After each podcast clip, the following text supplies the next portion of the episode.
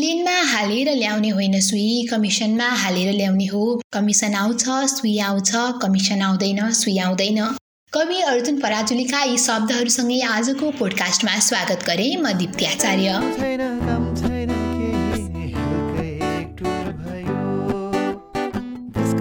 देखेर हामी सबै युवालाई एकदमै भयो। त्यसैले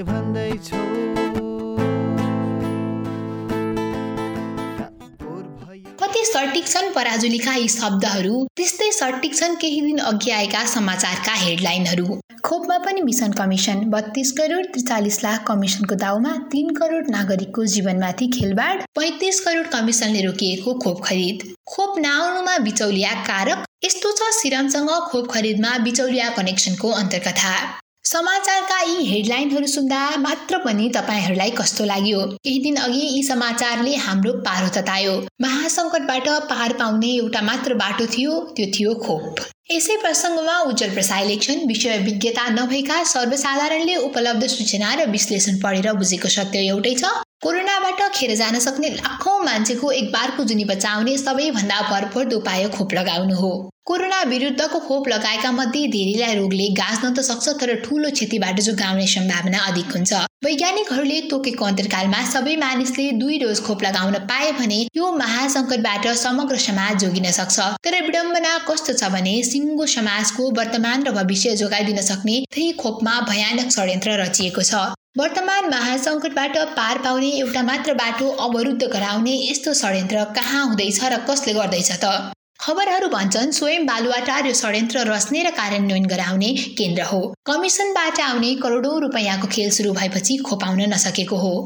खबरका सहजै बुझिने सङ्केत छन्। बालुवाटारकै हातमा त्यो लट्टाइ छ जसमा गुजुल्टो परेर बेरिएको छ कमिसनको मुद्दा। कमिसनको त्यो लट्टाइमा फँसेका लाखौँ डोज खोपले आज बितिरहेका दर्जनौँ मान्छेका ज्यान जोगाउन सक्ने प्रचुर सम्भावना थियो। अहो सम्झदा पनि शरीर फतक्क गलेर आउँछ। कोरोनाको शिकार भएका ती चिनारूका अनुहारहरू झलझली आँखामा आउँछन्। दुःख आक्रोश र क्षोभले छाती ढक्क फुल्छ। गला अवरुद्ध हुन्छन्। त्यही सर्वशक्तिमान बालुवाटार सिङ्गो समाजको उद्धार हेतुले ल्याइने जीवन बुट्टीको राजमार्गमा सबैभन्दा ठूलो तगारो बनेर बसेको खबर सार्वजनिक छ। अझै कति दिन र साता बालुवाटार त्यसै तगारो बनिरहन्छ ठेगान छैन। अनि जोगिन सक्ने ज्यानहरू कति दिनसम्म यसै शून्यमा बिलाइरहन्छन् यकिन छैन। कोरोना सम्बन्ध स्वास्थ्य सङ्कटलाई यो विकराल अवस्थामा ल्याइ पुर्याउने ती निर्णायक मान्छेहरू हुन् जसले समग्र समाजका नाममा आफ्ना लागि मात्र निर्णयहरू गरिरहे। तिनै जिम्मेवारहरू हुन् जो कमिसनका लागि सबैभन्दा ज्यादा गैर जिम्मेवार बनिरहे। तिनका लागि आफ्नो सत्ता आफ्नो सुरक्षा आफ्नो पदीय भविष्य आफ्नो बजार र आफ्नै बडप्पन मात्र केन्द्रीय चिन्ता भयो। तिनका प्राथमिकताको सूचीमा आम मानिस कहिल्यै परेनन्। यो महासङ्कट निम्त्याउने तिनै निर्णायकहरू हुन् जसले लोकतन्त्र भनेको यो व्यवस्थालाई आम मान्छेका सङ्कट पार लगाउने ऊर्जा बन्न कहिल्यै दिएनन्। तिनले निम्त्याएको यो सङ्कट केवल स्वास्थ्यको सङ्कट होइन त्यो डरलाग्दो राजनीतिक सङ्कट हो। यो त स्वयंमा अवस्थित सङ्कटकाल हो। ती निर्णायक मान्छेहरूले जानी जानी थाहा पाइ पाइ योजना बनाएर तर घोषणा नगरेर आम मानिसमाथि लादेको सङ्कटकाल हो। प्रसाईका यी आवेगहरूमा तपाईँ कतिको सहमत हुनुहुन्छ हुनुहुन्न थाहा भएन तर म चाहिँ उनको कुरामा खुब सहमत छु। आउनुहोस् आजको यो एपिसोडमा हामी निर्णायक मान्छेहरू यी जिम्मेवार मान्छेहरूको कमिसनको खेलमा हामी आम मान्छे कसरी पिसियौँ यो सङ्कटको घडीमा उनीहरूप्रति हाम्रो अपेक्षा कस्तो थियो तर भइदियो के? हामीलाई उनीहरूको पारा देखेर किन बोर लाग्यो? केही भडासहरू पकाउँ केही कुराहरू गरौँ। आज मसँग साथी कैलाश नेउपाने र विवेक तामाङ हुनुहुन्छ याद दिलाऊ हामी लकडाउनले गर्दा आफ्नो आफ्नो घरबाट यो पोडकास्ट अनलाइनमा रेकर्ड गराउँदैछौँ। म नुवाकोटबाट बोल्दैछु भने साथी कैलाश काठमाडौँबाट अनि विवेक धादिङबाट। अनलाइनमा रेकर्ड गराउँदा टेक्निकल्ली अलिअलि बोर भए पनि समसामयिक विषयमा बोर भएर मात्र बस्नुभन्दा यसरी यो पोडकास्ट मार्फत साथीहरूसँग रियाक्ट गर्न पाउँदा अनि गफकाफ गर्न पाउँदा खासै बोर भन्ने लागेको छैन। लौ त आजको हाम्रो गफकाफ सुरु गरौँ।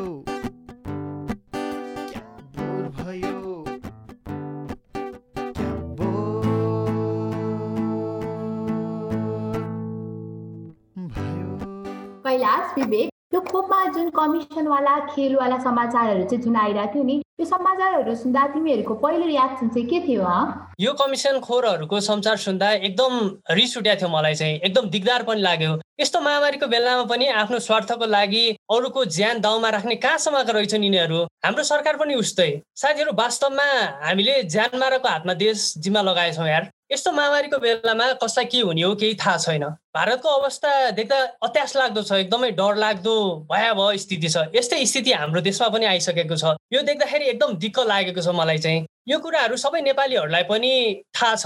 प्रधानमन्त्रीले माघ चौध गते राष्ट्रव्यापी खोप अभियान सुरु गर्दै गर्दाखेरि उहाँहरूले के भन्नुभएको थियो भने तिन महिनाभित्र चाहिँ हामी सबै नेपालीहरूले चाहिँ खोप लगाइसक्नेछन् सबैलाई खोप लगाउने वातावरण मिलाइनेछ भन्नुभएको थियो। होला नि त नि अब बुढाले भने भन्ने थियो मलाई चाहिँ होइन? अब भारतको जस्तो स्थिति अब नआउला भन्ने पनि थियो खोप लाउन पाएको भए। तर अहिले ठ्याक्कै भारतकै जस्तो स्थितिमा छ देश। देशको हालत देखेर स्वास्थ्य शिक्षा सबै सबैमा चाहिँ कमिसन खोर भ्रष्टाचारी देखेर चाहिँ एकदमै बोर लागेको छ मलाई चाहिँ। साँच्चै भन्नुपर्दाखेरि चाहिँ कहिलेकाहीँ चाहिँ मलाई चाहिँ यस्तो अस्तव्यस्तता यो एकदम लाचारीपनहरू देख्दाखेरि चाहिँ देश नै छोडेर जाउँ कि जस्तो पनि लाग्छ साँच्चै भने। ए कैलाश तिमी पनि कहाँ अब हाम्रो प्रधानमन्त्री ओरिबाको कुरा पत्याएर बसिरह भने? उहाँको कुराहरू सुने यसमा कस्तो बोर लाग्छ आज भन्नु झन्। उहाँको झन् त्यो घोषणा सम्बन्धको कुराहरू त सब भगवास लाग्छ नि आज मलाई किन किन? सबै त्यो पपुलारिटी प्रोपागेन्डा जस्तो मात्रै लाग्छ मलाई। जे पनि घोषणा गरिरहेको छ यार घोषणा पुरा गर्ने काम गर्दा भए पो कस्तो गजब हुन्थ्यो। तर के गर्नु अब उहाँलाई अब घोषणा गरे सबै काम हुन्छ जस्तो लाग्छ। तर रियालिटीमा त्यो छैन नि त घोषणा गरिरहेको छ बिर्सिएको छ यार कस्तो आनन्द के? अब आखिर हाम्रो ओलीबा नै पर्नुभयो के गर्नु होइन? त्यसरी गएन अब उहाँको घोषणा र अब वास्तविकताको कुरा गर्ने भने चाहिँ किताबमा लेख्ने हो भने अब ठेली निक्लिन्छ क्या। त्यो यसलाई सिरियस नलियो है गएन क्या बोरिङ क्या हाम्रो उस्तै ओलीबा उस्तै उहाँको घोषणा पनि क्या। हुन त विवेक तिमीले भने जस्तै हाम्रो प्रधानमन्त्रीको कुरा आजकल सबैले हावामा लिन थालिसकेका छन् होइन। तर यो अलि भने प्रधानमन्त्रीको घोषणामा केही विश्वास गर्ने आधारहरू भने चाहिँ पक्कै थिए। जस्तै संसारहरूकै आधार लिने हो भने पनि हाम्रो नेपालमा चाहिँ अब भारतले जब दस लाख डोज चाहिँ खोपहरू अनुदानमा दिएको थियो होइन? त्यो दिए लगतै चाहिँ नेपालले थप खोप चाहिँ खरिद गर्नलाई चाहिँ प्रक्रियाहरू चाहिँ अघि बढाइसकेका थियो। त्यसै गरी बिस लाख डोज खोप चाहिँ किन्ने सम्झौता पनि भइसकेको थियो चार डलरमा होइन? अब त्यसै गरी पचास लाख खोपको लागि पनि अब प्रस्तावहरू गइसकेका थियो सिरमसँगै किन्नको लागि। अब चिनले पनि हामीलाई अब आठ लाख डोज चाहिँ खोप पठाउने उनले वचन पनि दिइसकेका थियो। यो सबै कमिटमेन्टहरू सुन्दाखेरि हामीले विश्वास लिनुपर्ने नै हुन्छ। अब विश्वास लाग्ने स्वाभाविक नै हो यो कुराहरू सबै यिनीहरूको कमिटमेन्टहरू देखेर। अब खोप सबैमै आउनेछ मान्छेहरूलाई के लागेको थियो भने सबले खोप अब समयमै आउनेछ। हामी सबैले यो महामारीले विकराल रूप लिनुभन्दा अगाडि नै अब हामीले खोपहरू लाउन पाउनेछौँ। जसले गर्दाखेरि चाहिँ भारतको जस्तो स्थिति या त भयावह स्थितिहरू चाहिँ नआउन सक्छ भन्ने हामीलाई लागेको थियो। तर अब कमिसन काण्डले गर्दाखेरि चाहिँ हाम्रो यो हामीलाई लागेको कुराहरू चाहिँ पुरा हुन सकेन होइन? हुन त अब खोप लगाइसकेपछि कोरोना नलाग्ने भन्ने चाहिँ होइन। कोरोना लाग्छ तर के छ म भने चाहिँ कोरोना कम हुने चान्स एकदमै धेरै छ। जस्तै खोप लगाएकाहरू र नलगाएकाहरूमा कम्पेरिटिभली हेर्ने हो भने चाहिँ खोप लगाएकाहरूलाई चाहिँ आइसियु भेन्टिलेटर अक्सिजनहरूको चाहिँ त्यति धेरै आवश्यकता नपरेको विज्ञहरूले भन्दै होइन। मृत्यु दर पनि एकदमै कम छ। अनि त्यसपछि मलाई कहिलेकाहीँ यसो सम्झिन मन लाग्छ क्या यदि बाइचान्स चाहिँ यो सब खोप अब सबैको हेर्ने हो भने पहिलाको दस लाख अनुदानमा आएको फेरि बिस लाख किन्ने पचास लाखको लागि प्रक्रिया सुरु आठ लाख फेरि चाइनाले दिने भन्ने कुराहरू सबैलाई हेर्दाखेरि त हामीमा सेभेन्टी एट लाख डोज चाहिँ आउने रहेछ। त्यसले गर्दाखेरि झन्डै पैँतिस छत्तिस लाखजना मान्छे चाहिँ लाभान्वित हुन्थ्यो त्यसले गर्दाखेरि। यदि त्यो खोप चाहिँ हामीले युटिलाइज गर्न सकेको भए चाहिँ आजको जस्तो स्थिति आजको जस्तो मान्छेको भयावह स्थिति मान्छे मरिरहेछन् एकदम दिनकै सयभन्दा बढी मान्छे मर्न थालिसकेका छन् होइन? मान्छेहरूले बेड नपाएर त्यस्तै समस्या छ अक्सिजन नपाएर त्यस्तै समस्या छ। मान्छेहरूलाई एकदमै अहिले त्रासमा छन् मान्छेहरू। यस्तो अवस्था चाहिँ आउँदैन थियो कि यदि सबै खोप काण्ड नभइदिएको भए समयमै सरकारले चाहिँ खोप ल्याउनु सकेको भए चाहिँ भन्ने जस्तो लाग्छ मलाई चाहिँ। तर हाम्रो देश त कमिसनको यो खेलमा त चुर्लुम्मै डुब्यो नि होइन त कैलाश। अझ मजाको कुरा चाहिँ के भने नि यो राष्ट्रव्यापी खोप अभियानमा चाहिँ दक्षिण एसियामै भारतपछि चाहिँ दोस्रो देशको रूपमा चाहिँ यो अभियान सुरु गर्ने देश चाहिँ नेपाल भएको कुरा चाहिँ हाम्रा प्रधानमन्त्रीले कस्तो गजबले सुनाएका थिए क्या। अनि फेरि यही कमिसन काण्डमा चाहिँ एजेन्टको चालबाजीबारे चाहिँ स्वास्थ्य मन्त्री हृदय त्रिपाठीले चाहिँ ब्रिफ गर्दा के भनेर थाहा छ तिमीहरूलाई? प्रधानमन्त्री चाहिँ हजुरहरूकै मान्छे हुन्। यस्तो चलखेल गरिरहेछन्। भनेर चाहिँ के गर्ने हो भनेर हाम्रो स्वास्थ्य मन्त्रीले सोद्धा चाहिँ हाम्रा प्रायः प्रधानमन्त्रीले चाहिँ जवाफमा के भनेछन् भने ए हो र तिनै पो रहेछन्। यस्तो छ यार देशको अनि नेतृत्वको हाल के गर्ने हो?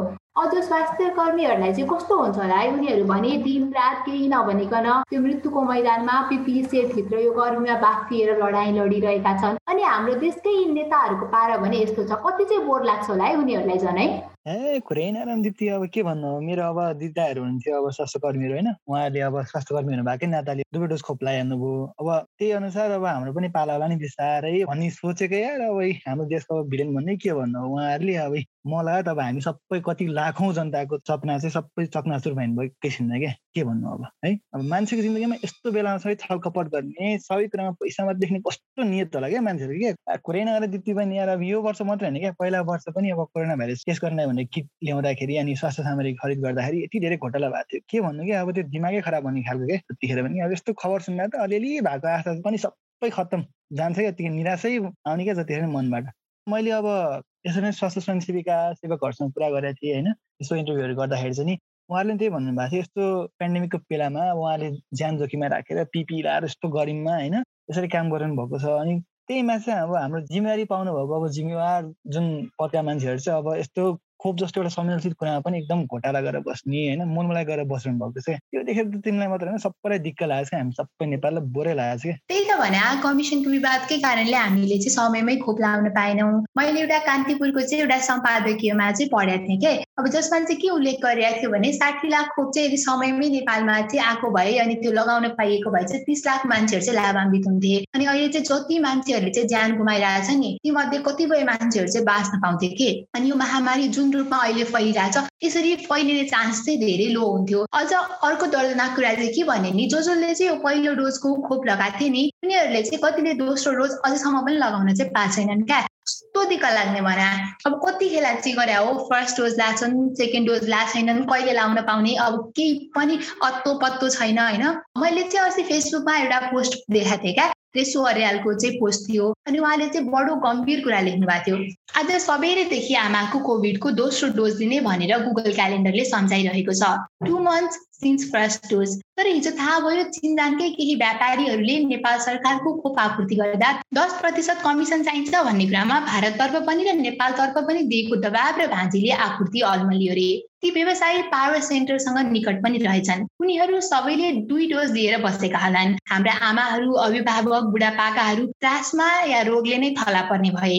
कतिले एक डोज पनि पाउँदैनन् कतिले ज्यान गुमाउलान्। यो महामारीमा यस्ता नियत र बेहोरा अपराधी होइनन्। कति मार्मिक कुरा क्या है? त्यही त कति काली लाग्दो क्या?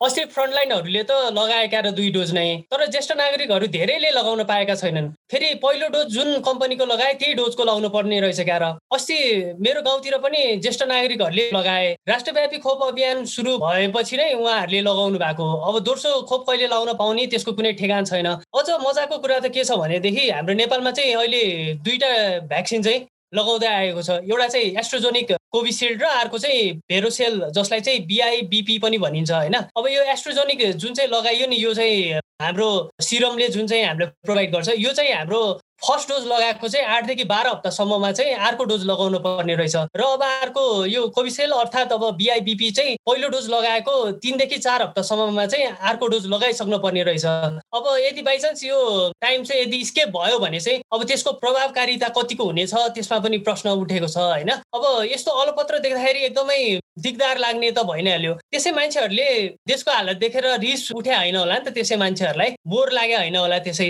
यस्तो कुरामा त सेन्सिटिभ हुन नसक्नेहरूबाट हामीले के आश गर्ने क्या? तिमीहरू आफै भन न। त्यही त भने यार के भन्नु? अब हामी सबै जनता लागिपरेका छौँ क्या सरकारले यस्तो महामारीमा साथ दिन है। अब जस्तो भए पनि जनताले सहयोग गरेकै छन् क्या किन पत्यो या नपत्यो होइन? किनभने यत्रो लकडाउन गरेका छ हामी कयौँ दिन घरभित्र लक भएर पनि बसिरहेको छौँ क्या। रहर होइन त्यो बाध्यता हो नि त होइन? यसरी बसेर हामीले सरकारलाई सहयोग पनि गरिरहेको छौँ होइन? अब कयौँलाई चाहिँ अब यहाँ बिहान खायो बेलुका के खाने भन्ने चिन्ता छ भने कयौँलाई चाहिँ अब परिवार सदस्य के गरी बिरामी परिहाल्नु भयो भने हस्पिटलमा बेड पाइएला कि नपाइएला? अनि त्यसपछि पाइए पनि आइसियु खाली होला कि नहोला? आइसियु खाली भए पनि अक्सिजन पाइएला कि नपाइएला? जस्तो चिन्ताले एकदमै सताएको छ क्या। यस्तो सबै खपेर पनि हामीले सरकारलाई सहयोग गरिरहेको छौँ। तैपनि अब सरकार खोइ यार केही पनि कुरै गर्दैन। सरकारले आम मान्छेको बारेमा यसरी सोच्नु पर्दैन त। जेमा पनि कमिसन जेमा पनि कालोबजारी जेमा पनि भ्रष्टाचार। यार ढिक्कै लाग्ने क्या के भन्नु? क्या कस्तो बोर लाग्ने क्या यस्तै यस्तै समाचार पढ्दा हाम्रो कलाकार खगेन नामसाले भने जस्तै समाचार पढेपछि मनमा लाज घिन घृणा एकैचोटि उनीहरू आउने क्या ओहो हामी कस्तोबाट साथी छौँ भन्ने जस्तो लाग्ने क्या हाम्रो छन्डु कस्तो कुन्नी?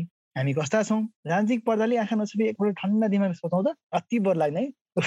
विवेकले यो भन्दै गर्दा चाहिँ मैले नि सामाजिक सञ्जालमा चाहिँ एउटा पोस्ट देखाएको थिएँ क्या। ठ्याक्क त्यो याद आयो। अच्युत खनालको पोस्ट थियो जसमा चाहिँ के लेखेको थियो भने माधव नेपाल र ओली बिच दुई हजार बेडको अस्पताल खोल्ने कि तिन हजार बेडको अस्पताल खोल्ने भन्ने कुरामा गम्भीर मतभेद राष्ट्रपतिलाई साक्षी राखेर पच्चिस सय बेडको अस्पताल खोल्ने सहमति।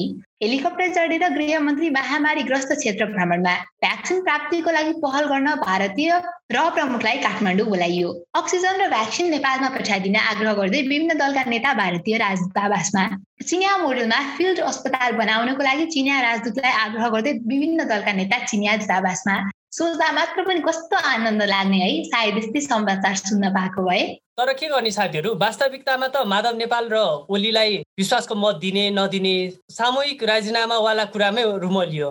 गृहमन्त्रीले मनोनयन दर्ता गर्नको लागि हेलिकप्टर चढेर गए। भ्याक्सिनमा कमिसन खोरहरूको बचाउमा बालबाटार लागे। नेताहरू राजनीतिमै रुमलिरहँदा हामीले अस्पतालमा अक्सिजन नपाएको बेड नपाएको एकदमै अक्सिजनको सर्टेज भएको जस्तो यस्ता यस्ता समाचारहरू सुन्न परेको थियो। के भन्ने? अब शरम भन्ने कि नैतिकतै नभएको भन्ने कि के भन्ने? अब यही सन्दर्भमा चाहिँ अब ट्विटरमा चाहिँ मैले एउटा पोस्ट देखाएको थिएँ क्या हाम्रो ऋषिकेश दाहालज्यूको। उहाँकै शब्दमा भन्नुपर्दा चाहिँ उहाँले यस्तो लेख्नु भएको थियो क्या हुन त राजनीतिलाई पेसा बनाएपछि न जनता देखिन्छन् न तिनीहरूले भोगिरहेको सङ्कट। यस्ता पेसेवरहरू सामुन्ने एउटा मात्र लक्ष्य हुन्छ कुर्सी। पेसेवर राजनीतिबाट बचाउन नसकिने भयो। एकदमै उकुस मुकुस अनुभव भइरहेको छ यतिखेर। साँच्ची नै भने कि यो पेसेवर राजनीतिबाट बचाउन नसकिने भयो यार। एकदमै उकुस मुकुस भइरहेको छ क्या उहाँलाई मात्रै होइन हामी सबै जनतालाई नै यो उकुस मुकुस भइरहेको छ क्या हामी नेपाली सबै। त्यही त क्या अरूको देशमा कोभिड महामारी व्यवस्थापन भइरहेको कुराहरू सुन्दा पनि एकदमै लोभ लाग्ने क्या।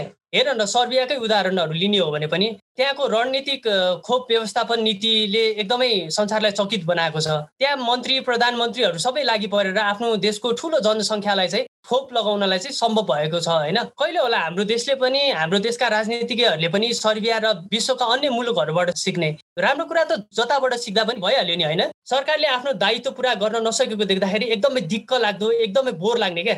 सही हो साथीहरू हामी आम मान्छेका यो चासो चिन्ता अपेक्षा जति जेसुकै भए पनि कहिल्यै कसैले बुझेनन् यहाँ त। बुझ्नुपर्ने त हाम्रो यो देश चलाउनेहरूले हो नि।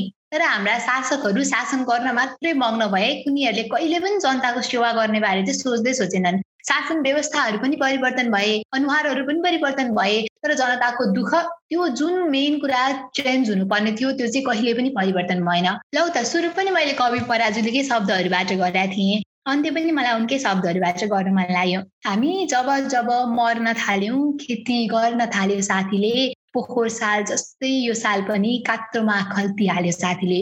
कवि पराजुलीले भने जस्तै मान्छेको लासमाथि चाहिँ खेती नगरियोस् कसैले पनि चाहे त्यो बालुवाटारको नजिककाले हुन् या फलानु ढिस्कानाका नजिककाले हुन्। दिप्तीले बिदा माग्दै गर्दाखेरि मलाई एउटा कुरा थप्न मन लाग्यो साथीहरू।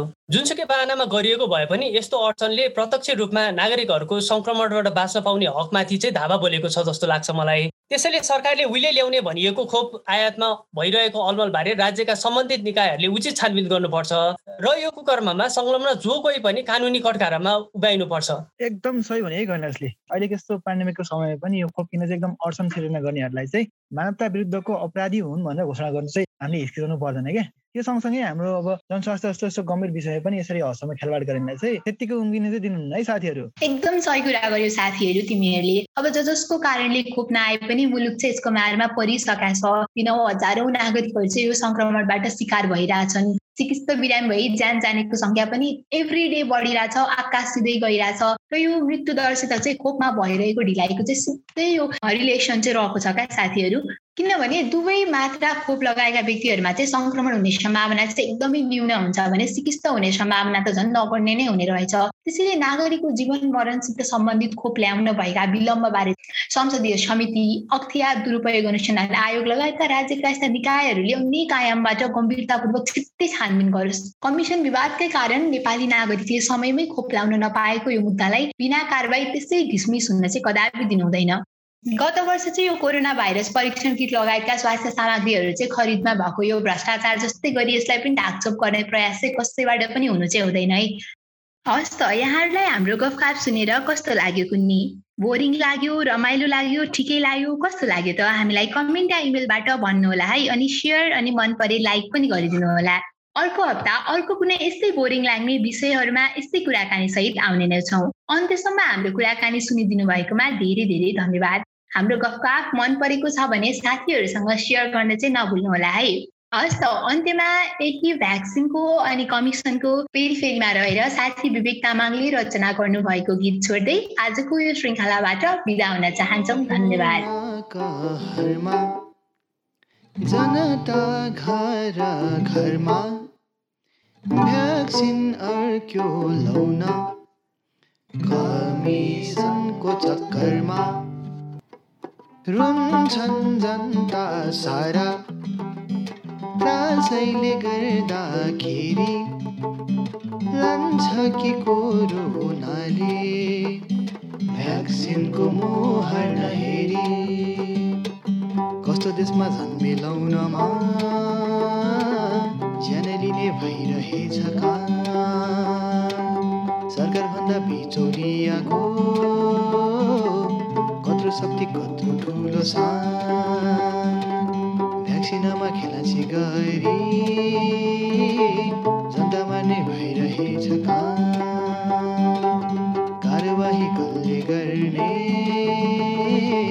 के गर्ने हो लाउन राम राम भ्रष्टाचारीले सजाय कहिले हो पाउने? कहिले होला यो देशमा सुख शान्ति छाउने कोरोना कहरमा जनता घर घरमा भ्याक्सिन अड्क्यो लौन कमिसनको चक्करमा भ्याक्सिनको मुहार नहेरी।